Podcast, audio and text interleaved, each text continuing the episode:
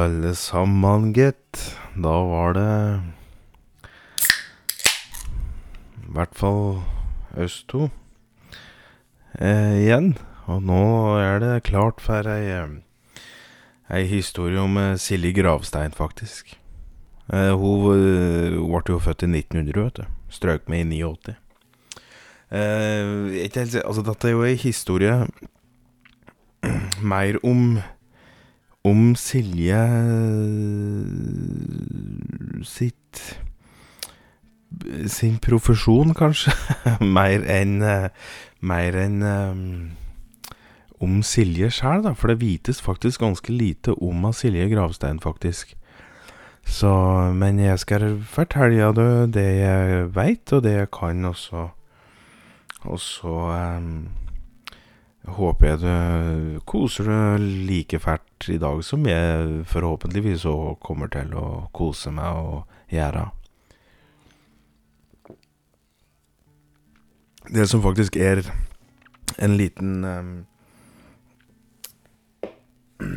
fun fact, det er jo at Silje At Silje Gravstein Hun er den siste dama som faktisk vokste opp i Krakadalen.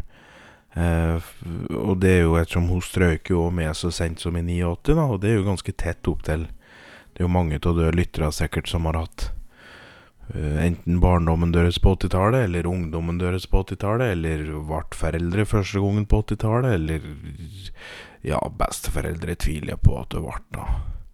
I så fall er du høngamle nå, så da er jeg jævla imponert hvis du har funnet fram til noe podkastgreier, i hvert fall. Men herregud, jeg dømmer ingen. Jeg håper Jeg håper du fikk barnebarn jeg, i, i, på 80-tallet. Så Men i hvert fall, da, så Og dette er jo så heldig for oss, egentlig, at hun strøk med så sent, for det eh, Vitnesbyrdet hennes, da, det er jo ganske ferskt. Så noe av disse historiene jeg også skal fortelle i dag, de har jo hun faktisk fortalt eh, sjæl. Og det er jo en første gang i Krakadal Radio sin historie. I hvert fall. Um, og uh, for eksempel så fortalte hun om den gangen um, da hun uh, først flette til Krakadalen med familien sin da i 1911. Det var, ut, det var utpå høsten, ja. Uh, for tre av dem hadde begynt å bli nesne. Så, og, så, og da de gjorde det, så sa folk rundt i bygda at huset de skulle ta over, og hele gården for øvrig, det var rammet av gjengangere. Både far hennes og, og, mor hennes hadde jo ledd til dette her da, og bedt folk om å holde seg bak sin egen skigard, og at de bare var misunnelige for at de, for at de hadde fått ei så fin en gard, da. Men dog så minte Silje denne første natta på den nye gården sin inne på Krakadalen. For da hørte hun ei jente drive og synge utafor vinduet hennes. Hun stirrer ut og, og så ei lita jente, hvit som en engel. Og hun sto borte ved stabburet der og så leita etter noe, mens hun sang, da. Men det så ikke ut til at hun fant det hun lette etter. Og Silje hadde gått ut for å hjelpe til, men da hadde jenta blitt borte.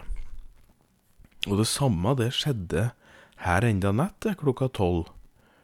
Silje lå og lå liksom og prøvde å, å sove, men ble alltid avbrutt av denne lille jenta som sang sangen sin og, og gravde borte da ved stabburet. Og det flere ganger da driver vi og vekket opp far sin og mor si, men her gang de våkna og ble med ut, så var jenta borte. Og en gang, da da hadde hun våknet midt på svarte netta av at jenta hadde stått utafor glassruta hennes og sett henne rett i øva. De var svarte, visstnok, som, uh, som en um, stjerneløs himmel, men stemmen hennes, den var fløyelsmjuk som et rosebed. Kom, du må hjelpe meg, hadde jenta sagt da. Silje var småredd, men tok på seg treskoa som far hennes hadde laga til henne, og så tusla ut da, i denne kalde vinternetta. Og um, denne englelignende jenta uten øver sto ved stabburet og sang en sang før hun brått snudde ansiktet mot Silje og sa 'Hjelp meg, du'. Og så sprang hun bak stabburet og ble borte. Silje trasket bort til stabburet der jenta hadde stått, men hun så verken fotavtrykk eller noe som helst hun kunne hjelpe med. Hun hadde snudd seg for å gå, og da hadde jenta stått rett framfor henne igjen og så sagt 'Du må hjelpe meg, du'. Ja, hjelpe deg med her da, undrer Silje da. Hjelp meg, sa jenta og ble plutselig borte fra øynene på Silje, og så helt lik, akkurat som en menneske bare blir fordunstet midt i løse lufta. Plutselig kom far hennes, da, springende, lurte på her i ville jævelskap det var hun drev og gjorde ute den vinterkalde natta der. Og Silje hadde visst bedre, så hun sa ingenting om jenta, da. Hun sa bare det at uh, hun trodde at det var en hære som fløy rundt, og at hun bare hadde lyst til å se på den, da. Og, og netta etter kjente hun et iskaldt gufs midt på netta, og hun våknet så at jenta sto nå innpå dette lille soveværelset hennes og bare så på Silje. Jenta hadde nesten ingen konturer i ansiktet sitt i det hele tatt, men hun hadde langt, askelignende hår som lå nedover skuldra hennes. Øynene hennes de var like svarte som kvelden før. Hjelp meg, sa hun bare. Og så flaug hun gjennom vinduet, og da mener jeg ikke flaug som når jeg sier flaug noen ganger som at de springer, da mener jeg flaug som i å fly. Hun flydde gjennom vinduet. Silje sprang ut til stabburet nok en gang, og denne gangen begynte hun å grave med en spade, men hun kunne ikke se noen ting, da.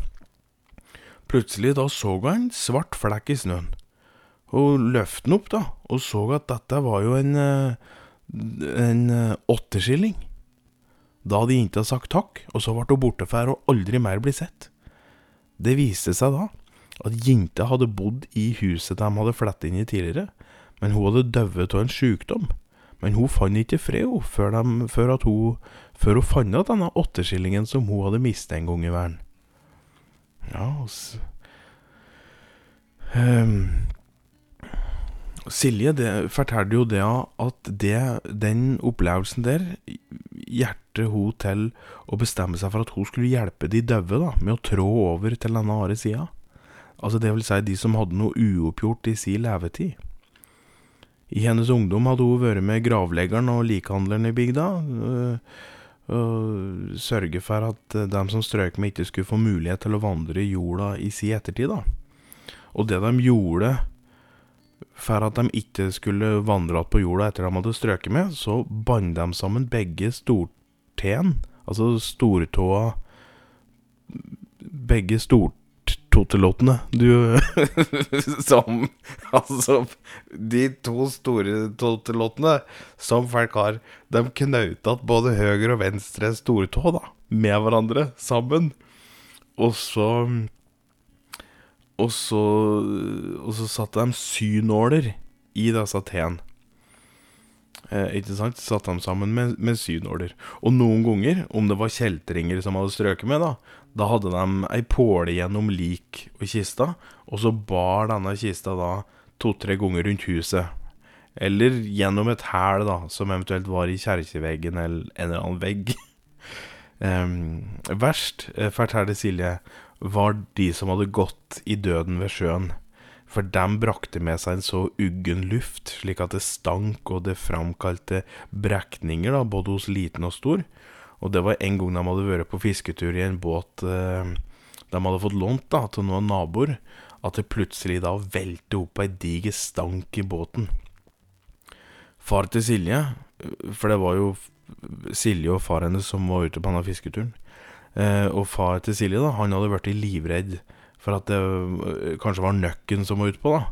Men øh, han hadde jo husket på å sette kniven i sjøkanten, så det skulle jo ikke være noen fare for at uh, nøkken var ute og, og farte denne kvelden der. Uh, og plutselig da, i front på trebåten, dukket det opp ei løkt med et grålig lys inni, og plutselig så de pipereik stige midt ut i løse lufta av ingenting, før de da etter hvert så konturen av en gammel, sliten gubbe. Med, og han hadde fisketermer i skjegget. Øva hans, det, det, Og ikke bare det, for det var og mer som lå eh, i, i um, Jo, øva hans, det var De tror jeg han Ratt hadde lånt, da, av en krepsratt. Og neva hans, det var, det var like fiskehudnever. Og noe som Altså, det, det også hadde noe som minte litt om fiskeskinn, da, mellom fingra. Snu, hadde gubben sagt, da. Men far til Silje, han hadde jo frøst til lis, vet du, av frykt. Han var så redd, han. Han var så redd der han satt. Snu, Hadde dette skrømt sagt en gang til, da. Ja, men vi har ikke fått noe fisk ennå, vi kan ikke snu vi har fått fisk, vet du, gamle far, hadde Silje sagt, da. Snu hadde skrømt det skrike så høyt da, at sjøfuglen hadde kveppet fra sjøen og opp i lufta, og fiskeånden hans gjorde at Silje og far hennes spydde jo ut kveldsmaten ute ut i båten, vet du. Det var jo et helvete, vet du. Og far, far hennes hadde ikke villet diskutert dette her noe mer. Så han, eh, så han, snudde, han snudde båten, han. Rodde innover til land. Og på vei tilbake igjen så hadde de funnet en gammel fiskestong som lå og flaut i vannet. Og den hadde Silje plukket opp. Det var tydelig at kroken den hadde satt seg fast, syns hun, da. Men jo mer hun drog, jo mer kjente hun at snøret drog jo etter. Og etter at eh, de kom på land, så sto både far og Silje og drog da, alt de kunne av stonga. Eh, og i kroken lå det da en oppblåst og fæl gubbe med kreps som krabbe ut av munnen hans, og oversokkelen hans, den var hul, men så at eh, der hadde det jo gjemt seg mett i like små sjøåler som kravla og vrei seg rundt, vet du, inn på skallen til denne daue gubben. Og gubben i båten, han hadde vært borte. Men etter denne kvelden der hadde far til Silje nektet å bli med ut på sjøen igjen. Han satt inne da i tømmerstua si og gikk bare ut for å hogge ved i ettertid, han. Han rea og, reagerte visstnok på hver minste lille lyd, og ble til slutt så gæren at han måtte få gjengen fra Krakadal asyl vet du, til å komme og hente han. Så ja, hun hun kunne jo fortelle mange historier eh, om gjengangere, hun der Silje. En gang, en gang da hadde hun fått besøk av en kær da, som var så misfornøyd med at det var en flekk på kista som ikke hadde vært i målet. Så da, da måtte de faen meg grave opp kista hans og male kista ferdig før de fikk fred. En enkemann hadde og så var det en enkemann da, som ofte hadde fått besøk av sin avdøde kone, som drev og skjelte den ut, da, for han hadde ikke sørget mer Han hadde ikke sørget mer enn det han gjorde for at hun var død. Så gubben han måtte jo Han sto jo da etter hvert hver kveld over grava hennes. Så sang en sørgesanger, da, før han turte å gå til sengs, han. Og en annen gang, ja, da hadde ei enke som var nygift, sørget Eh, så fælt at hennes brudgom, han vendte tilbake. Og en kveld, da, hadde han tilbudt en tur ut i skogen. Og enkebruden hadde kledd på seg, og ute av stua hennes sto det en oppsalet svart hest, vet du. Så ridde de faen meg begge ut i merkeriet. Je, jeg rir så sakte, og månen skinner ille, karnmor. Er du redd? hadde han brudgommen sagt. Nei, svarte enkebruden.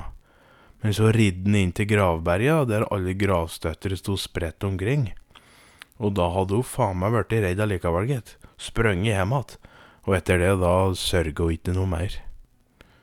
Så, og en annen historie som Silje kunne fortelle, det var at uh, det var ei mor til to små gutter som hadde dødd av sykdom. Men så hadde far, da, funnet seg en ny frøken uh, som ikke var så snill med gutta. Altså, bare så det er sagt, det er mora her som daua, altså, ikke gutta. Uh, men etter at hun strøyk med, så fant far Det var da far fant seg en ny frøken, som ikke var noe trivelig med de smågutta. Og da hadde mor til gutta da fått lov til å fanden visstnok og få besøke de en kveld i uka for å trøste dem. Men Silje forteller at det er en plass inne i Krakadalen skoger uh, hun aldri besøkte. Og det er Utburderskogen, som hun kalte det. Der hadde Der hadde mang en far og mor etterlatt da, sine aller minste, fordi de var så fattige. Men unga der, de vandrer fortsatt den dag i dag. Med med, med et sinne så, så, så ilsk og hatefullt at sjæl vargen, vet du, holder seg unna. Ikke engang trollt er å vandre dit i frykt for å få sjela si sugd ut. Det var derimot trygt for unger å vandre, vandre der, ettersom de fortsatt var reine til sinns. Men ingen voksen person bør sette sine bein i utburderskogen inn på Krakadalen, for da da eh, riker all livsløst som en bærer på. Så ja.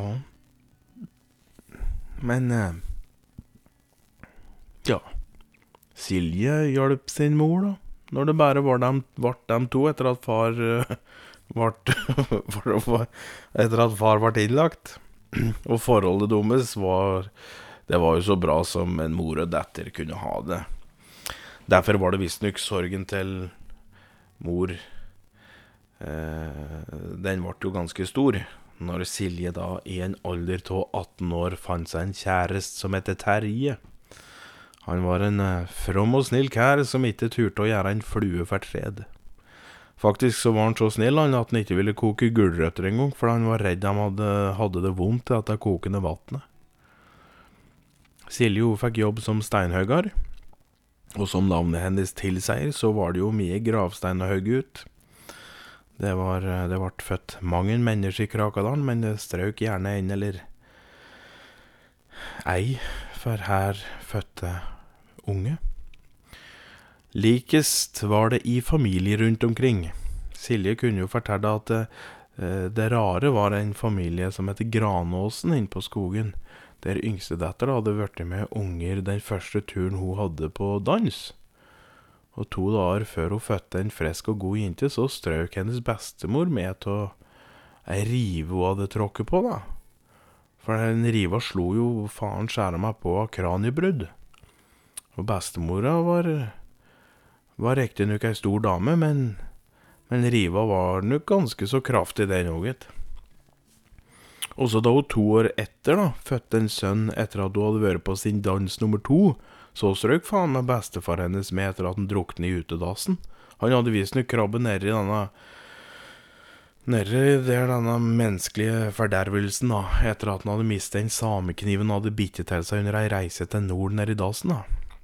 Men der ble han sugd ned, da, ty tydeligvis. Så er det fælt å le. Skal ikke det da kjett av folk stryker med meg. Det hører da med. det hører noe med livet, det. Ja, ja. Og året etter, i hvert fall, da. Da fødte hun faen en gutt eh, igjen, da. Og dette var etter dans nummer tre. Og da strøk siste hennes med etter at hun hadde hisset på seg nisse da, ved å putte smærklasa nederst i grauten. Og nissen han hadde blitt så jævla lei seg, vet du, da han hadde funnet smærklasen alt tre dager etterpå. Da. Nei, da han fant igjen smærklasen, for du veit nisser vet du, de vil jo gjerne se at det er smær i grauten. Og det er derfor vi legger smærklassene øverst på grauten. Så, og det hadde ikke sister til eh, Sister til denne dansefrøkena her gjort, så hun, hun liksom la først smærklassene på, og så grauten oppå. Og da hadde nissen tid å sli av kaviar, vet du. Men så fant han jo denne smærklasen etter at han hadde spist opp grøten, og da ble han jo så jævla lei seg. For at han hadde slia denne sisteren hennes, da, så da hadde han kommet til gården etterpå, da, så hadde han satt ifra seg jevnaldrende jente som kunne ta over denne sisteplassen. da. Altså søsterplassen. Og så kan du jo Du kan jo tro òg, da eh, familieelendigheta trådde til etter at jenta hadde vært på dans nummer fire og fikk denne fjerde ungen. Ja, det var ei datter. Da strøk far hennes med, bare noen minutter etter, for han var aleine hjemme med si, med si datter, som skulle bli vordende mor, altså hun som fødte. Og da han sto der og måtte ta imot ungen, ja, da syntes synet av en ungskalle som kara seg ut gjennom datter si, sitt underliv, var så jævla belastende at sans og pust, det gikk strak turen.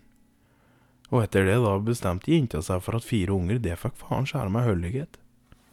Og det skjønner jeg. Men i hvert fall, til ei annen som fikk eh, unge, det var Silje. Silje og Terje, de fikk en unge, lita jente, som heter Isabel. Isabel, hun kom ofte inn til sine foreldre og på natterstid og fortalte at hun òg ikke at hun òg, men at hun hadde både skrømt og pest liggende under senga. Og ettersom Terje han var jo livredd for gjengangere og den slags, da, så han satt jo fastgrodd i stolen. Akkurat slik som Siljes far hadde gjort. Men Silje ble ofte med Isabel inn på soveværelset hennes, og jo da, mang en kveld var det skrømt og pest som lå under senga hennes. Da gikk Silje bort og fant katta de hadde. Hun ble kanskje Krakadalens eldste katte, og det, det gjorde at uh, Det gjorde jo at hun ble så jævla felkevond mot alle andre utenom ruta familien Gravstein, da og hun både væste og klore vekk faenskapet som laga uhygge under senga til Isabella. Og ganske interessant Da krigen kom til Krakadalen på 40-tallet, eh, så var gardstunet til Silje og Terje det eneste stedet der tyskere ikke bevegde seg. For det var så mange skrømt som flakser rundt på tuna, vet du, og åt opp både den ene og den andre soldaten. I lovendommen så hendte det at den lokale presten hadde dødstjenester. Altså Altså, det er jo en form for gudstjeneste, bare at den er for de døve. Så de kalte det dødstjenesten. Um, og ofte gjorde det skrømt av meg mye tur, men, men en kveld da det, da det var dødstjeneste, hadde en tysk bataljon på 24 stykker stormet låven, for de var sikre på at det befant seg jøder der inne, vet du, som var gjemt. Men du kan tru de ble lange i maska, da alt de så bare var disse likskrømta. Presten foldet neva og ba til høyere makter, for han visste her som nå ville skje, vet du.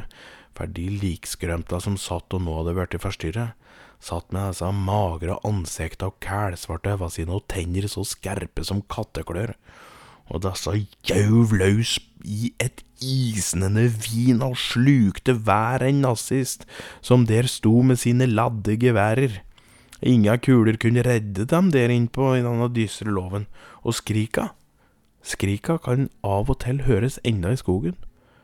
Om det er noen som øh, øh, Hvis det skal være slik at det er noen som står og preker med en øh, hatefull tunge innpå skoga, da kan du høre skrik, faktisk. Isabel, hun Hun var jo under den tida og fram til eh, Fram til 45 gjemt under ei rot, på Krakadalen. For der hadde satyren eh, Tapio, som da var oppkalt etter skogens gud fra gammelt av, han hadde gjemt alle ungene på Krakadalen, slik at de skulle kunne være trygge da, for jævelskapen som på den tida styrer landet. 10. april 1945, da vandret Tapio rundt på Krakadalen med en horde unger bak seg og han leverte de fra seg. Og det ble en eh, tårevåt avskjed utafor gravsteintunet. Isabel hun ville så gjerne at Tapio skulle få bli igjen og passe på henne hele tida, men Tapio sa at han var nødt til å vandre videre, men at han, han lovte å hjelpe henne om nøden noen gang skulle eh, regne på igjen. Og, eh, og det kan jo si med en gang Silje var ingen gra... Å, herre min, hun gravskriver skulle jeg si, men eh, jeg mener jo selvfølgelig brevskriver. Silje var ingen brevskriver. Hun hadde aldri rørt en penn. Var heller ei dame som ikke likte å skrive ting ned. Hun lagret alt i huget, og fortalte heller altså historien uh, videre, eller hun slerva om et eller annet. Men datteren hennes, hun hadde faktisk skrevet et brev til Tapio noen år etter krigen. Og det brevet, det var det pokker tusen ta meg Annike von de Lippe som fant. Eh, og for etter For altså, vedkommende var Altså, Annike var og drev og forske på barnåler og froskeegg, Og så hadde Annike med seg da en diktafon da, mens hun drev og lette etter eh, disse froskeegga sine. og så tok hun og spilte inn spilte inn dette brevet. Og det brevet, det skal du få lov til å Det opptaket jeg har fått tak på. Og det skal du nå få lov til å høre før vi går eh, videre. Så eh, vær så god. Eh, Annike, over til deg. Kjære Tapio. Mange år har gått siden jeg så deg sist, og mang en høst har tent lys i mine minner med ørsmå gnist. Der jeg sammen med andre barn lå på betonggulv og hørte bombene regne over jorda, der var du sammen med oss og sang sanger med ord som gjorde at jeg lengtet etter min mor. Jeg vet nå i voksen alder at ingen anerkjenner deg for den du er en vakker skapning med enorme verdier, hvor ingen er liten eller stor, der ingen er udugelige om de er sliten eller doktor. Jeg tenker av og til på deg, og jeg savner stemmen din. Da verden var på sitt ondeste, viste du fram det godeste. Jeg står med åpne hender og venter som det er noe som skal skje, og gatelysene brenner under vårens blå tre. Er det du som ser meg der i skogens ende? Finnes du ennå? Når jeg står her og minnes deg, så er det for meg i kveld en naken lykke i alle de mennesketomme gater. Mitt lille lyktelys står med et salig og underfundig gys, og øyet føyer flammen som blusser opp når tanken står i frys. Jeg tenker meg havet, løst i storm, på flukt, og befridd fra landet med rullende og rene bølger, og hvor jeg skimter gledesglimt i vannet. Jeg ønsker deg alt det beste der ute, hvor du nå enn er, Tapio. Og jeg føler at jeg bør fortelle deg at menneskene sier at du ei finnes mer.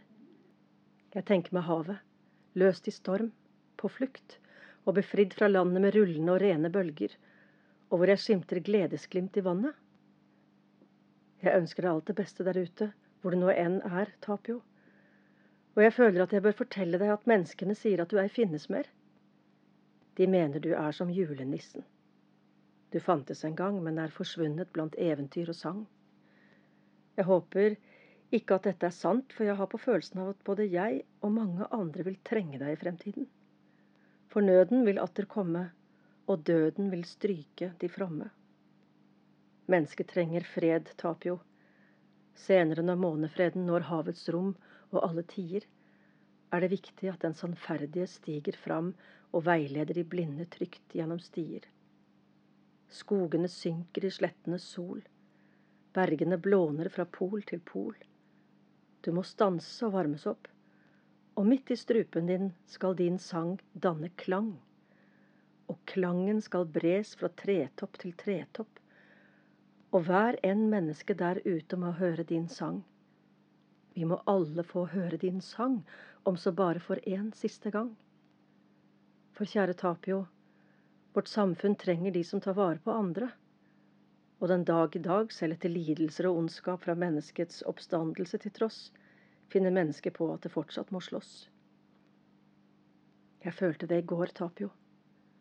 Hvor dypt det bunner i skjulte vegger, kjærlighetens under. Det gjennomskjærer mitt vesen som sverd, og jeg fant verdier hos en for uten verd. Og jeg måtte le, for blant festaftens dystre vinder eksisterer fortsatt mennenes dødelige kamp om kvinner. Men vi danset natten lang, Tapio. Jeg skulle ønske du så meg, for jeg måtte erkjenne at jeg kjente min elskende blikk brenne, og i et kort sekund ble min sjel vasket av hans kjærlighet til min omfavnelse og jeg kjente av en eller annen merkelig grunn hatet. For han var av dem som fra før av har en kone der hjemme, og jeg lot mine hender rive av hans kinn så han aldri vil glemme. Jeg håper du finner dette brevet, min venn, for ikke bare jeg, men mange av oss trenger den stødige fornuft, den trygge omfavnelsen og den gode sangen. Jeg vil aldri glemme deg og jeg vil alltid minnes deg. Om vi ikke ses igjen, så vil jeg at du skal vite at jeg er takknemlig og glad i deg. Takk. Isabel fra Krakadalen. Ja, om alle kunne være så takknemlige som Isabel, kan jo si. Eh, da Krakadalen sluttet å eksistere i 1962, etter at det da brant over hele skogen og alle dens innbyggere måtte flette, eller strøk med for den saks del, så klarte Silje å flykte sammen med Terje og Isabel til Kjælaberget på Flisa. Der bosatte de seg. Eh, Silje hun fortsatte som steinhugger, mens Terje han ble bussjåfør. Og Isabel vokste opp til å bli pølsemaker. Katta de hadde, hun døde riktignok mellom ja, 47 og 53. men eh, men utafor huset til Silje og Terje så var det alltid et garnnøste som for rundt omkring, til tross for at det var helt vindstille. Og det sies at eh, Flisafelket mente at det var ei trøllkatte som var innenfor porta. Men det var vanskelig å bevise slikt, da. Men i 1989, etter at Silja hadde savnet rolig inn med Isabel og Terje eh, Nei, med Isabel og, og hennes kjæreste, og med, med, sine barnebarn, for Isabel og kjæresten hennes hadde jo fått unger. Og de sto rundt sjukesenga, uh, Silje strøk med. Og så skulle de jo gravlegge Silje. Og når de bar ut kista tur uh, gravhuset, så dilte garnnøstet etter kjerka. Det, det ruller ned på kista etter at de hadde lagt i bakken. Og da folk så, så, det, så var de sikre på at det var ei trollkatte som Silje og Terje hadde hatt. Og sanninga var, som sanninga er tala, at den som har, eller den som hadde trollkatte, den hadde gjort avtale med hinmannen. Men her den avtalen gikk, gikk ut på, det er det ingen som veit den dag i dag. Og det var heller ingen som Silje Det var heller ingenting som Silje hadde preket om når hun hadde fortalt disse historiene sine. Så jeg veit ikke om hun gjorde en avtale med Hinnmannen, for å være helt ærlig. Men det var jo så klart en sang eh, om Silje Gravstein, og den står nedskrevet i ei bok som heter 'Gamle skrømteviser og jævelsanger'. Den har jeg funnet. Kanskje hadde en finger med i, eh, i eh, den sangboka når jeg tenker om. Men jeg kan da spille en av sangen åtte. Uh, Fy faen, var det jaggu lang òg, da. Uh, fy faen, OK. Jeg må, jeg må, bare prøve ut det, for jeg har ikke denne melodien i russen på.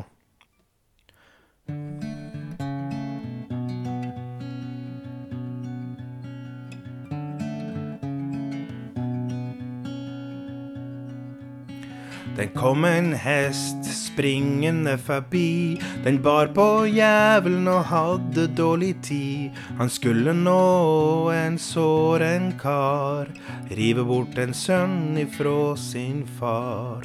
Jævelen sto så høg og fæl. Reiv hjertet av gutten som var hvit som mjæl. Han reia denne stolt og kry. Etterlot en far tung som bly.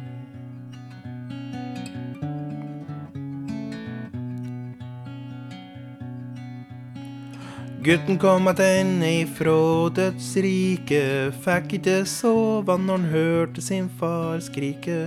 Han banket på ei der som var seig, i der han sto skrømte venn Silje Gravstein. Du må hjelpe meg og hjelpe min far. Han sørger så mye og lengter etter svar.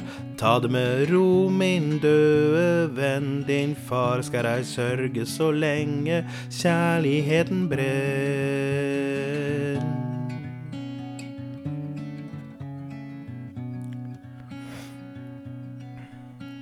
Silje trapper opp hos en gråtende mann. Ta det med ro, vesle gubb, din sønn er sann. Gutten sto ved sida og juste som en engel. Far datt til knes og miste sin lengsel. Gutten sa noe av trøstende ord. Far sa han var elsket før gutten dro. Silje sa til far lett hver dag ha sin sorg. Silje sa til far, lett hver dag ha sin sorg. Faren ga Silje en klem og kysse hennes hånd. Åh, åh, åh, åh. Silje gikk hemma til sine egne, lot skrømte være i fjøset og kysse de kjære. Stødig som få og god som færre, elsket av en mann som kunne hatt det verre. Mm.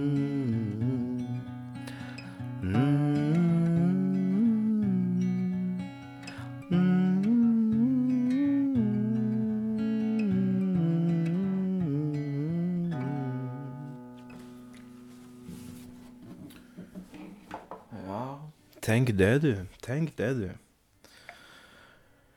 Eh, Og da er det vel sånn, mine kjære lyttere, at det er vel ikke så veldig mye mer å si om Silje Gravstein. Strengt tatt så er det det vi har på Silje. Mer historie hun har for sjøl fortalt opp igjennom i sin levetid. Har ikke peiling på hva faen jeg sa der akkurat, ja. Men eh, de historiene du i hvert fall har fått hørt nå, da, dette er jo flere historier som, eh, som Silje har, eh, har eh, fortalt sjæl. Så Men nå er de fortalt.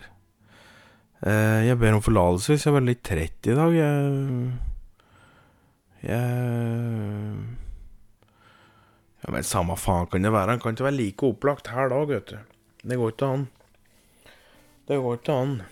Så Og som sagt, det er ikke det at jeg Det er ikke det at dette er noe jeg føler noe press for å legge ut på noe som helst måte eller noe slikt. Du må ikke, du må ikke det, sitte og tro det, lyttere. Jeg tar rett og slett og spiller inn historier da jeg har lyst til å spille inn, og jeg hadde lyst til å lese inn uh, historier nå, så Så Men jeg håper jo at Håper jo at uh, det ikke gjør noe at det er litt lavmælt av og til òg. Så Men neste episode Jeg kan jo Før, før det jeg vil gjerne takke Annike, så klart, for at hun eh, har bidratt i dag. Og så kan jeg si at neste episode Hvis det er noen av dere som har hørt Skårbygda, så hadde vi en sang som handler om lensmann Åge. Og eh, lensmann Åge Det er viktig å poengtere at alle lensmanner i hele Krakadalen har hett Åge opp igjennom. Eh, så Men det er i hvert fall Åge Davidsson det skal fortelles om eh, neste gang. Og jeg håper at du henger med da òg, for det For det, det blir fart der òg. I dag har det vært mye eh, spøkelseshistorier. Disse spøkelseshistoriene er sanne, bare så du veit det. Det er ikke Jeg færer ikke med løgn. Og det gjorde ikke Silje Gravstein heller. Ha god natt, da.